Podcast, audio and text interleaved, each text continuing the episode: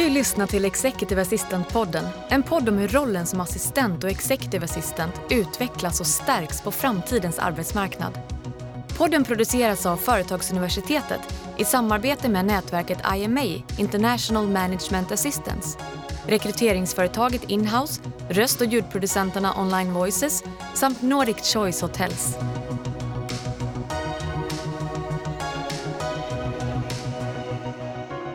Välkommen till Executive Assistant-podden där vi pratar med världens bästa kollegor om världens bästa jobb. Jag heter Daniel Kjellson. Idag ska vi bege oss till storpolitiken. I augusti 2019 presenterade de nordiska statsministrarna en gemensam vision för att just Norden år 2030 skulle vara världens mest hållbara och integrerade region. Med oss för att prata mer om detta och om arbetet som ska leda oss dit och göra det hela verkligt är Evelina Morvaj på Nordiska ministerrådet. Välkommen Evelina!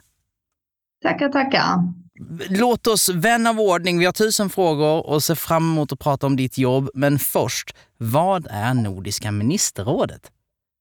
Ja, det är inte så många som vet. Jag visste det inte själv heller innan jag började jobba här, helt om jag ska vara ärlig. Eh, och jag brukar enkelt säga när folk frågar vad Nordiska ministerrådet är, så säger jag att det är som EU-parlamentet fast för Norden. Mm.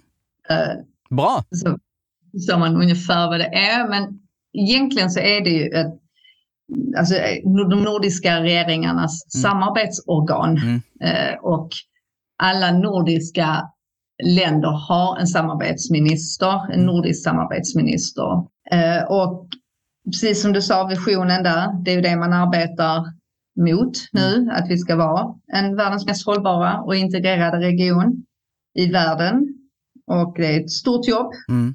inte många år kvar egentligen. Nej.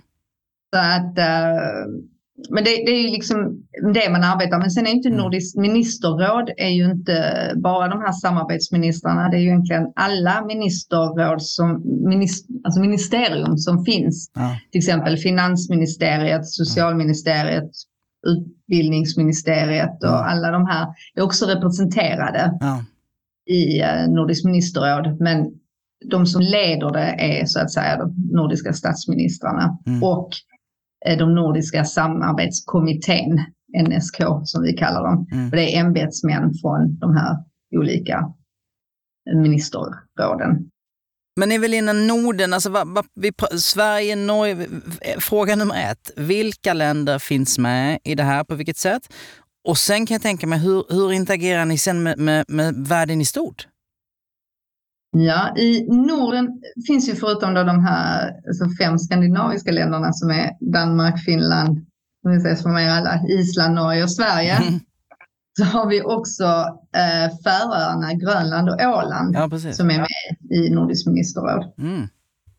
Eh, och, ja. Nej, förlåt.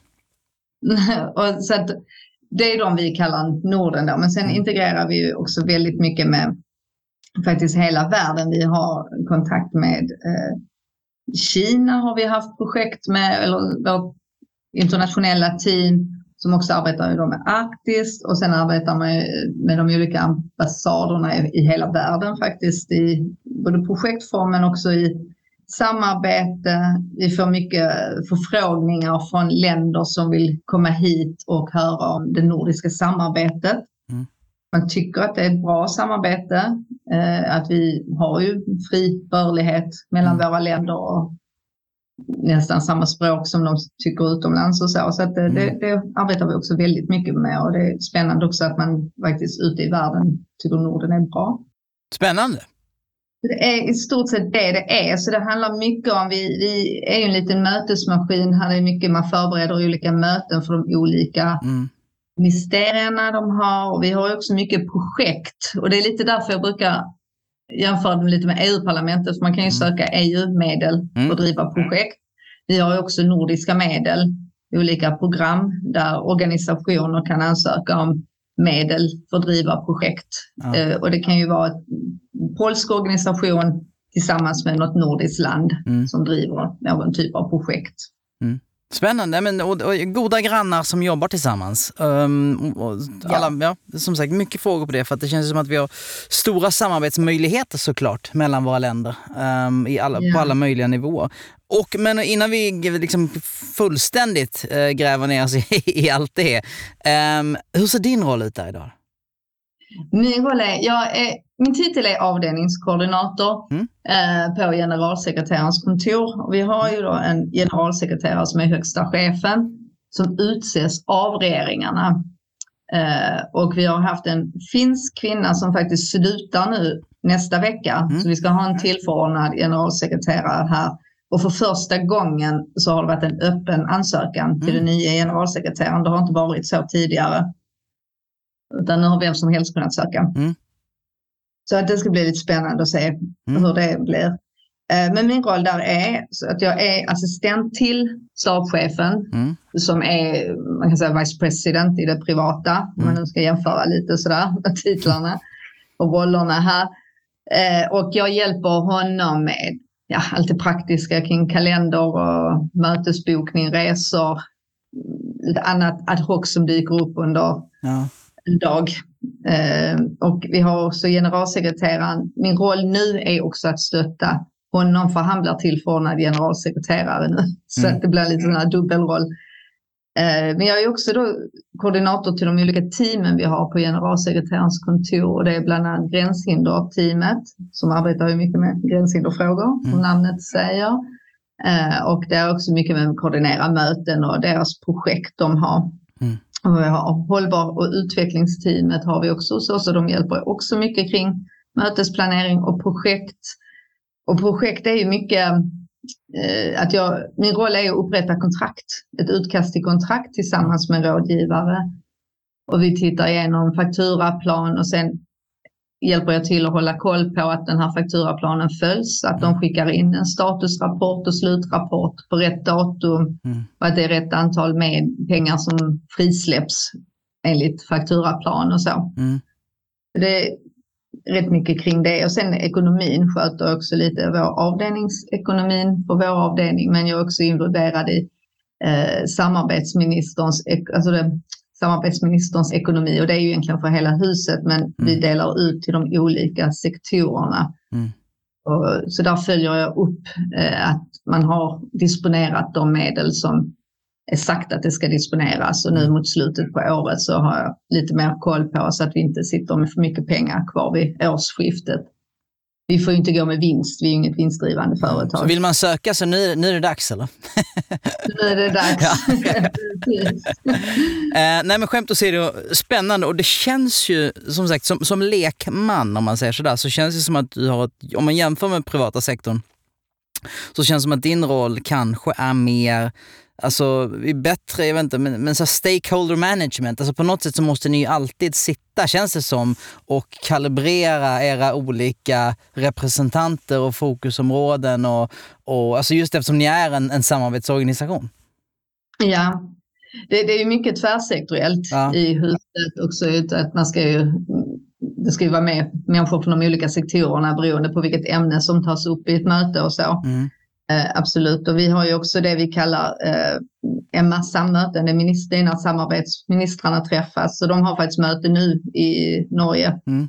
i Oslo. Nu är jag inte med där, men jag är med och planerar från vår sida vilka som ska delta härifrån, registrerar dem mm. och liksom bokar hotell och flyg och sånt där också. Men det är ju rätt mycket Eh, protokoll kring det här. Mm. Vem som helst får inte vara med utan det ska vara dedikerade personer och, som väljs ut av cheferna. Mm. Ja, det, kan det, kan det, eh, så visionen är ju svår att, att inte vara, alltså så världens mest hållbara region och sådär. Det är ju lätt att, kan, kan jag tänka mig, lätt att vara överens om. Men kan det hetta till i övrigt? Jag, jag tänker som om den svenska representanten säger nu ska vi satsa på, eller få ner jordbruk och så säger danskarna nej, nej nu ska vi, jag tänker mig, vad, vad för typ av eh, vardag kan det här innebära tänker jag? Jag tror inte man har så mycket den typen av alltså, diskussioner. Nu sitter jag inte själv med på de här ämbetsmannakommittémötena, men visst, där har jag väl hört att det har varit diskussioner kanske och jag har varit med i det, ett möte för vilka projekt som ska fördelas eh, inom det arktiska till exempel. Och då Mm. kan det vara självklart lite olika synpunkter vem som tycker vad, att Mm. det här projektet är viktigare eller det här. Då diskuteras det ju lite fram och tillbaka naturligtvis. Mm. Vem som ska ha hur mycket pengar till de olika projekten. Mm. Att, eh, men det är, det inte så att man bråkar liksom. Men, det, Nej, men handgemäng. vet ju alla att det har ju varit med gränshinder till exempel nu Ja. under corona så var det ju lite Mm. hur man gjorde lite olika och sådär. Mm. Mm. Det, det fokuserar man väldigt mycket på att det ska inte hända igen och man har också skrivit ett avtal samarbetsministrarna Mm. emellan att eh, när det händer någon sån kris igen så ska man först mötas och diskutera hur man ska lösa de nationella problemen. För självklart får ju varje land styra över sitt eget land ju, Mm. men att det inte drabbar liksom kanske pendlarna eller sådär som det gjorde nu. Ja, precis. Och det, det, kommer man, det har man ju mer fokus på framöver, helt klart. mm. och det känns ju också lite eh, som en unik miljö, för det kan väl också vara så att eh, eh, teoretiskt sett skulle din vardag kunna förändras lite, när, för, för ministrar kommer ju och går, tänker jag. Ja. Och, och det, det kan ju kan väl kasta om lite? Ja, alltså både, vi, vi är ju inte politiskt styrda. Nej. Alltså, så det är inte så att beroende på vilken, eh, alltså vilken politik det är, för vi har ju blandade politiker i, Mm, som är samarbetsministrar. men jag tänker personliga fokus och sådana där saker. Det personliga fokus, absolut. Du, Vad är det roligaste med det här? Alltså det roligaste är, tycker jag att det varierar och, och jag har ju också fått inblick i mycket som jag inte har vetat om fanns det här, förutom nordiska samarbetsministrarna, men vi har ju också institutioner ute i de nordiska länderna, 12 stycken, bland annat i Alnarp, eh, Nordgen, som Mm. ju sysslar med de här fröbanker Ja, och ja. växtlighet och sådär. Eh, och vi har ju i Stockholm finns något som heter Nordregio. Eh, och de har ett forskningscenter som arbetar just bland annat med projekt kring Arktis, men och regionalpolitik, lantbruksutveckling i Norden och så. Så det, det är väldigt intressant att Mm. lära sig om allt det där. Det Vi har känns ju också. Ja, förlåt. nej, jag skulle säga vi har också tre kontor i Baltikum som man kanske inte vet om. Det är de tre baltiska huvudstäderna som har funnits i 30 år. Mm. som man har väldigt mycket samarbete med. Mm. Och vi har projekt med dem och, och sådär, möten och så. Nej, för jag, skulle, jag, jag skulle säga att det känns ju som en, kanske ett syftesdrivet jobb om man säger så. Att det, att det finns ett gott, det känns viktigt. Håller du med det? Absolut, absolut. Och jag brinner väldigt mycket själv för det här nordiska och det regionala. Jag är ju som sagt var från Malmö och pendlade ju först till Köpenhamn. Men för mig är ju speciellt regionen här är ju som inte två länder för mig utan det är som ett land Mm. fast olika regioner bara. Mm. Och hela Norden känns lite så. Jag hoppas också att man framöver kanske mer också att barnen idag, de lär inte säga danska och svenska så som vi lärde. Och jag vet inte hur gammal du är. Jag, lär, jag såg ju på dans-tv. Ja, det gjorde jag med. Man lär sig. Sig- kyling? Ja. att man lär sig språken mer och förstår varandra. Det ska vi kunna göra. Mm. Eh, Det är inte så stor skillnad. Nej, precis. Um, och vad är det svåraste med det här jobbet då? Ja, det svåraste tycker jag, om jag kan säga då för att arbeta på Nordisk ministerråd så är vi, vi har en speciell anställning de flesta av oss. Vi har ju något som heter nordiska villkor. Mm. Man är kontraktanställd. Mm. Man får ett kontrakt på fem år och sen kan det förlängas ytterligare tre år. Mm. Om inte det blir någon omorganisation av tjänsten eller så. Mm. Så det betyder att vi har väldigt stor omsättning av personal här. Ja. Eh, och eh, tror de säger att det är ungefär 25 procent per år. Mm. Eh, och vi har ju också lokalanställda som ofta vikarierar.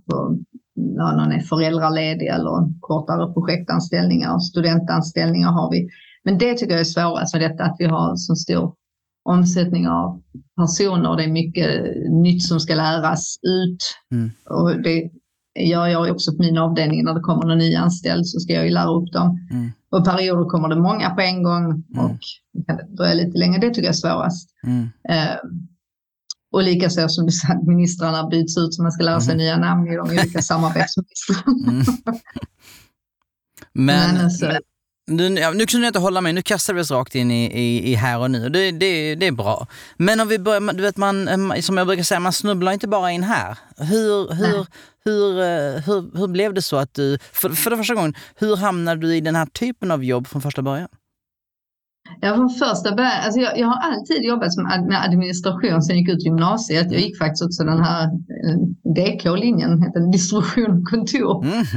Uh, så att redan där var jag inne på kontorssidan och mm. har arbetat i, först i många år som läkarsekreterare. Mm. Och sen så hade jag slutat med det och då började jag på Manpower och mm. som, ja, som lite konsult och där lärde jag mig väldigt mycket och kom ut i den privata marknaden och hamnade så många år på en advokatbyrå och sen på AstraZeneca i Lund mm. som ju lades ner.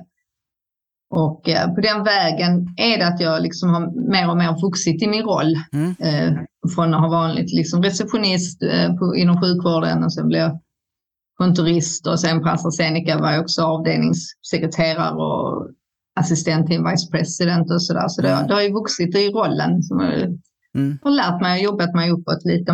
Mm. Och, och rätta mig om jag fel, men den här liksom tidsaxeln på något sätt där du jobbade uppåt har ju också den ser lika, återigen från mitt perspektiv, ser den lika, lite likadan ut som hur så här, synen på rollen har blivit mer och mer sofistikerad och lite mer och mer auktoritär och sådär. Är jag något på spåren där? Känner du igen det?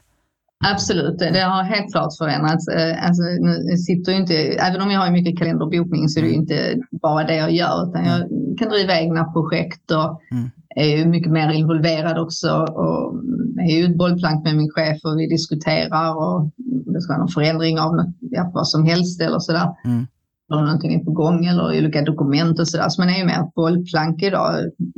Så det har ju helt klart förändrats mm. och också statusen på yrket. Vi heter ju inte sekreterare längre. Nej. Eh, nu är det ofta koordinator eller assistent eller vad man nu kallar det. Mm. Så det, det, tycker jag har förändrats. Och sen att jag hamnade här, det var ju lite för att jag var ju lite sugen på att jobba i Danmark. Mm. Så jag sökte ju lite nya jobb. Jag var arbetslös i fyra månader innan jag började här. Det var första gången jag varit arbetslös. Mm. Och, då, eh, och det var för att jag hade en projektanställning som gick ut innan. Mm.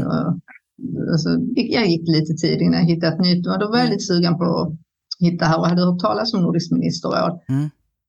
Jag sökte faktiskt två tjänster här tror jag, innan jag fick denna. Grymt. Ja, men, och, det, och det är lite spännande. Jag skulle fråga dig nämligen just om, om det var projekten, för jag inbillar mig också att ditt jobb idag är såklart mycket projekt. Sådär. Är, det, är det projekt, det är ett stort ord, men är det en sån där sak i, i din karriär som har varit alltså en av de mest utvecklande aspekterna, tänker jag, att, att plugga in och ut från olika projekt och få nya erfarenheter och lära sig? Eller vad, vad tror du har varit liksom hörnstenarna att du har ändå växt på det sättet som du har gjort i rollen? Ja, alltså, absolut har det mycket det att man har vuxit. Men jag tror också att det är att jag har varit på olika företag, mm. olika branscher som också har gjort att jag har lärt mig lite olika mm. saker hur man arbetar inom dem, både privat och jag har också arbetat regionalt innan jag började här. Mm. Det är också lite skillnad att vara på den privata sektorn eller som nu i en skattefinansierad mm. sektor. Mm. Det, det, det, det, är klart det är skillnader med upphandling och lite sånt här som är, är nytt när man börjar, börjar här tycker jag. Mm. Uh, och för oss är det också lite nytt här som är ju kanske lite svårt också att vi är ju inte en vanlig dansk arbetsgivare Nej. utan vi är ju nordiska så det är också lite svårt det här med vi har ju olika kulturer trots allt. Mm. Uh, och uh, det kan absolut bli lite missförstånd både i språk och kultur. Mm. Men det, det lär man sig efterhand och vi är väldigt öppna här och, och fråga mm. tre gånger istället för att göra fel. Mm, mm. Har, har, det alltid varit viktigt för dig? För jag menar, du, alltså när du förklarar eh, Nordiska ministerrådet nu så det är uppenbart att du, att du förstår det utan och innan. Har det alltid varit viktigt för dig att förstå verksamheten som du sitter i? Underliggande verksamheten? Ja, det är det ju. Det tycker jag. Uh, för det är mycket lättare att förstå varför man gör vissa saker mm. uh, och vilken ordning man arbetar i. Och sen är det ju klart att uh, det är inte så börjar man arbeta på någon rörläggarfirma kanske så svårare om inte Men kan ibland kan det vara lättare att förstå vad man gör då än, än större bolag. Det kan vara lättare att förstå, men jag, tänker också när jag, men jag tycker det är intressant, man lär sig väldigt mycket nytt. Mm. Uh, och det är det jag tycker är så fint med vår roll, för vi, vi ju kan ju hoppa lite lättare mellan olika branscher. Arbetsuppgifterna mm. är ofta detsamma. Mm. Man får bara lära sig nya termer. Mm. Nya ord och ny, mm. mm. nytt företag. Men det är ju helt klart viktigare och jag vet ju jag jobbar ju som sagt var nio år på AstraZeneca mm. läkemedel och där, alltså där lärde jag mig otroligt mycket varför man gör på vissa alltså vilka sätt med biverkningar och rapporter och sådär. Det, det tycker jag är jätte, jätteintressant att veta. Mm. Ja, det, det, är en spännande aspekt tycker jag det här. Jag har faktiskt aldrig hört det innan eller, eller aldrig tänkt på det just där. Som executive assistant eller liknande titel, att den här plattformen som man har i sin kompetens faktiskt är Um, jag, ska inte, jag ska försöka hålla mig från att kasta mig med för mycket termer som framtidssäkrad och sådär. Men det är ju en trygghet att du kan, alltså man, det är som du säger, man kan ju plugga in i verkstadssektorn, läkemedelssektorn, vad som helst egentligen. Så klart att man adderar lite specialistkompetens och förståelse. Men man har mm. ju en väldigt bred plattform att stå på. Ja, ja men och det är det som är, och det är ju det man bygger upp med åren naturligtvis. Mm. Och, och det är det jag tyckte var så fantastiskt när jag slutade som läkarsekreterare, för det hade jag arbetat med det i många år. Och sen var jag på Manpower mm. och var uthyrd och då bad jag om att få korta uppdrag. Mm. Jag vill inte ha ett långt uppdrag, för jag vill ha korta uppdrag så att jag kunde upptäcka olika branscher och lära mig lite olika saker och lite veta var, var, var vill jag arbeta sen. Ja, smart. Du, med, ja. Samarbetet med din chef idag, eller med organisationen idag, är det, um, är det, skulle vi andra känna igen det eller utmärka det sig på något sätt? Om, om man tänker sig från vad, hur en traditionell roll ser ut? Alltså det som jag tycker skiljer sig mycket här eh, för alla roller, mm, skulle jag tro, det är att det förändras så otroligt från dag till dag. Mm. Eh, det är inte så mycket långa ledtider, i alla fall inte på generalsekreterarens kontor där jag är, utan det är väldigt mycket korta ledtider. Mm. Det är mycket, vi träffas ofta med snabba möten och ska samlas och mm. diskutera hur gör vi här eller vilket dokument ska ut här nu, någon text och så. så mm. det, tycker, det, det tycker jag skiljer sig. Mm. Men blir ni jag brukar ofta prata om lojalitet och så, att man blir som en... Är, det, är, det, är ni mer som en arbetsgrupp eller blir ni...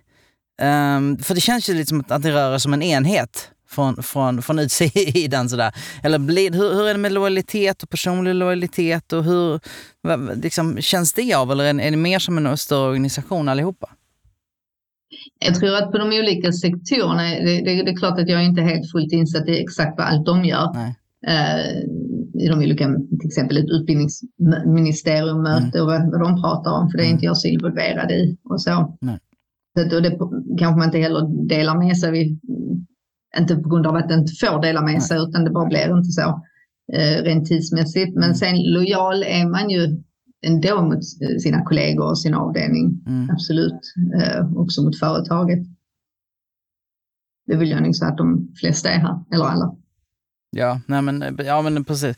För att, för att jag vet inte hur det är för dig just med men så att det, i, i, möten kan ju du, det kan ju vara beslutsprocesser antar jag, eller, eller eh, att, att finansieringsbeslut och liknande. Du, du får väl ändå också um, sitta i möten där det måste stanna i mötet, tänker jag. Absolut. Det gör det. Nu, nu, sitter jag inte själv med så ofta på de här samarbetsministrarna, mötena jag har mm. gjort ibland. Men även andra möten vi har här kan man ju sitta med och, och höra och man ser ju dokumenten är väl ofta det, att jag ser mm. dokumenten. Mm, mm. Eh, och det, det stannar ju hos mig. Mm, mm. Gör det vad, vad, tror du att, jag menar vi var inne på det lite, men jag, jag kommer tillbaka till det här, för att jag menar det är intressant att titta på så här, um, dig som professionell idag på något sätt. Och vilka nyckelegenskaper tror du att det gör? Alltså, det kan vara en svår fråga att svara på för dig, men vad är det som gjorde att du passade så bra här och att du har blivit så, så, så bra, Opererat på så hög nivå? Finns det någonting, liksom, har du byggt upp vissa nyckelegenskaper och, och hade du någonting så att säga i dig från första början tror du? Alltså, ibland vill jag tro att jag har det i mig och, och det var lite som en kollega sa till mig en gång, att eh, jobbar man på som assistent eh, på den nivån så är det nästan lite som ett kall. Ja. För man ställer ju upp väldigt mycket och det ska fixas och donas. Man ska ju tycka det är kul att arrangera stora möten och det är ofta lite stress kring det. Det är mycket mm. förändringar och folk ska ändra flyg och det är extra hotellnätter och så vidare i sista minuten. Men det är ju väldigt kul. Mm. Eh, och också det här med att det är så otroligt varierade arbetsuppgifter. Jag tror att man som person har man det nog i sig om man är organiserad mm. och kan klara av att hålla alla de här olika ämnena lite isär. Mm. Så, så jag vet inte, jag tror, det är klart att man bygger upp det med erfarenhet också. Mm. Jag är inte samma person som när jag var, precis när jag startade, det, det vet jag. Jag har ju lärt mig mer och Mm. hittar, hittar tips och tricks och hur jag kan ha koll på möten i, olika Excel-ark eller Mm. post-it-lappar jobbar jag också mycket med. Ja. Eh, jag har ju mitt system, Mm. eh, men jag, jag tror att det, det är nog att man ska vara organiserad och också våga vara öppen och prata med alla i huset. Jag, jag känner ju många, de flesta här och pratar ofta med andra i, i ja, andra avdelningar och man frågar lite vad de gör och så där så lär man ju sig också. När vi började prata om den här, liksom, din karriär som en form av eh, linje va, och, och rollen också som, som, som samspelar Ja. med den. Vad tror du att det kommer bli i jobbet mer och mindre av när vi tittar liksom, för nästa femårsperiod eller nästa tioårsperiod? Hur tror du att det kommer utvecklas? Ja, alltså jag tror att man kommer så fort, jag tror faktiskt fortfarande, alltså jag tänkte på det innan för det såg jag i, i ditt dokument här, just det här med kalenderstyrning och den biten tror jag faktiskt kommer att finnas kvar för cheferna är ju fortfarande väldigt mycket upptagna och ska kanske fokusera på andra saker. Mm. Eh, Men därmed så tror jag ju att man blir mer och mer en högerhand eller hur man nu ska säga. Man blir mer involverad i själva arbetet Mm. På, en djupare, på ett djupare plan. Det tror jag faktiskt. Och jag Mm. tror också att man har förstått det på många företag skalar ju ner på assistentroller ute i avdelningar så har man mer executive assistance Mm. som får göra lite mer. Och jag tror också att som jag faktiskt hörde på vidgade vyer, Mm. på er undersökning ni hade gjort ju att eh, det här HR kommer mer och mer in. Ja. Att man mer tar den biten också Mm. Och är med i anställningsurval och så vidare. Det tror jag. Ja. Och lite andra, man ska kunna lite mer kring olika HR-relaterade frågor och så. Mm. Det tror jag kommer att ändra, förändras. Mm. Är, det, är det ett jobb som du skulle rekommendera nästa generation att ge sig in i? Ja, absolut. Jag tycker det är kul. Och- jag, tror- jag tror också att, som sagt jag jag är ju sån som tycker om att organisera och planera och det, det tror jag man gör även privat. Mm. Eh, liksom om, man ska, ja, om vi ska resa någonstans, så tänker jag, men har, ni, har ni tänkt på det här och det här och det här också? Så- men eh, jag tycker om att ha, liksom, att inte, man inte bara sitter med en arbetsuppgift hela dagarna. Nej. Utan att jag kan ju sitta, jag kan ju ha en arbetsuppgift som kommer kräva jättemycket. Tidigare här för något år sedan så hade jag fler projekt. Då hade jag runt 200 projekt som jag var koordinator för. Det var extremt mycket arbete kring det och hålla koll på. Men samtidigt så kunde jag ju ägna ett par timmar till det. Men sen så tänkte jag, men nej, nu bokar jag lite möten istället så att man kunde ja. rensa hjärnan lite och sen gå tillbaka. Det är det jag tycker är så skönt med detta arbetet. mm. Mångfacetterat. Ja, Men vad menar du, 200 projekt på ett år eller vid en tidpunkt? nej löpande, ja precis. Ja. En tidpunkt.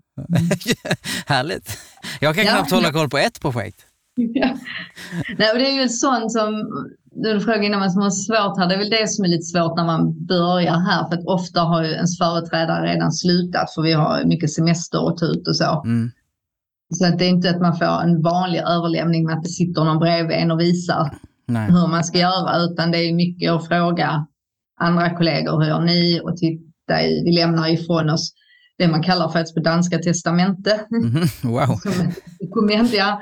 Ett doku- överlämningsdokument. Ja. Eh, så man får utgå från mycket från det. Och det har ju varit lite svårt. Mm. Samtidigt så tycker jag det är bra för att man gör ju inte precis som ens föregångare har gjort. Nej. Man skapar ju sin eget sätt att arbeta på. Mm. Mm. Nej, men det, och det är väl eh, så här, man kan tänka sig att en, en av tankarna med den typen av organisation är just att, att det ska vara ehm, liksom en blodtillförsel av nya personer hela tiden. Att det är lite av tanken också, eller hur? Att det, att det aldrig ska bli, st- Ja. bli stelt. Ja, det är en liten tanke med det. Och sen är det också så att arbetar man till exempel statligt i Sverige, Mm. eh, då har du rätt att vara tjänstledig i åtta år för att arbeta här. Mm, okej. Och sen kan man gå tillbaka. Mm. Och det är ju många som här hos oss som är tjänstlediga från andra jobb i, i sina länder och är här tillfälligt. Mm. Och sen går de tillbaka. Spännande. Känns som att ni har spännande after works. Ja, Ja, vi är väldigt många som har flyttat hit. Det finns ju naturligtvis danskar som bor i Danmark, mm. jag bor här i Köpenhamnsområdet också som arbetar här, men det är ju många som flyttar hit från Norge, Island, Finland och det är ju mm. Jag tycker det är jättespännande för man har ju verkligen, man blir också vänner, speciellt de som flyttar hit och jag pendlar ju i början och sen flyttar jag hit eh, så jag räknar mig inte som en expert på samma sätt kanske, för jag har inte flyttat så långt. Över bron? Över bron. uh, och jag kan åka fram och tillbaka. Mm. Tågen går var 20 minut, så det är inte, det är inte liksom hela världen.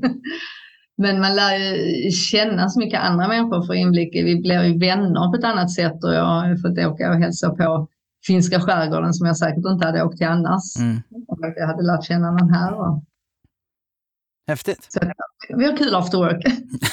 ja, exakt. Um, vad tror, alltså vi, vi pratade om, um, om, om, uh, om framtidskompetensen och att det blir mer HR, kanske mindre. Men, men sen, jag, kom, jag bara tänker på det du sa med rörmokaren. Jag brukar alltid säga att rörmokaren är så den sista som kommer automatiseras av alla jobb. För, det, för det, det går liksom inte. Eller robotiseras, för det känns helt omöjligt. Mm. Um, och jag menar, vi, ibland så kan man ju eh, lyfta upp executive som lite, alltså delar av den som, eh, som eh, at risk på något sätt. Liksom. Mm. Men samtidigt skulle man kunna vända på det som du sa och tänka att det där är, kommer aldrig automatiseras. För att, för att den, eh, det känns lite som rörmokaren, att det, det, är för komplext, för mångfacetterat. Mm. Även de rest, men... även de rest handbegripliga grejerna. Jag tror faktiskt också, jag har också hört det under hela min karriär, att, och det har jag faktiskt hört i många, många herrans år nu, ja. att det kommer dö ut med assistenter eller sekreterare och det tycker jag inte det har gjort utan det är ju ett, eh, vilket benämning man använder, den har ju mm. förändrats. Mm. Men rollen är ju kvar och jag mm. tror att man fortfarande kommer behöva det och, och det såg vi ju bara nu när vi helt plötsligt alla skulle kunna Teams och Zoom mm. utan att man hade arbetat med det innan. Mm. Eh, och vi bokar möten och sånt och det är ju fortfarande mycket vi som gör det tycker jag mm. och ska lära sig tips och tricks i hur man jag har lite breakout room och så vidare. Mm. Eh, andra gör också det, men jag, jag, tror rollen kommer att finnas kvar alltid. Mm. Men man gör också, men att det kommer att bli mer liksom avancerad eller vad man säger. Ja men det är naturligt. Jag menar, den, den, är avancerad nu också. Ja, ja precis. Jag menar, den, den finns ju kvar nu också men den ser inte likadan ut som den gjorde för 20 år sedan. Det, så det är ju evolution. Absolut. Uh, det, jag, men som sagt, jag tror alltid den kommer att finnas kvar. Men jag tror att företag kommer att dra ner på antalet assistenter kanske. Mm, mm, mm. Att man har färre. Att alla får liksom göra mer själv, det tror jag. Ja. Och, och en lite mer seniorroll kanske? Mer, det tror jag. Man kan ibland idag kanske bli lite, så här, lite stor i tanken och alltid tänka helt globalt och, och, och sådär. Men det nordiska samarbetet är viktigt för oss. Jag tror kanske till och med att det kommer bli viktigare och viktigare, skulle jag gissa. Um, när vi tar hand om varandra och måste bygga liksom en, en stor region på något sätt. Um, och jag vill tacka dig så jättemycket Evelina för det jobbet, för allt du gör där och för att du har varit med oss här idag och lärt oss ännu mer om hur vi kan bidra och om allt det du bidrar med. Tack så jättemycket. Tack själv, det var jättekul att få vara med. Du har lyssnat till Executive Assistant-podden producerad av Företagsuniversitetet i samarbete med IMA, International Management Assistance, Inhouse, Online Voices och Nordic Choice Hotels.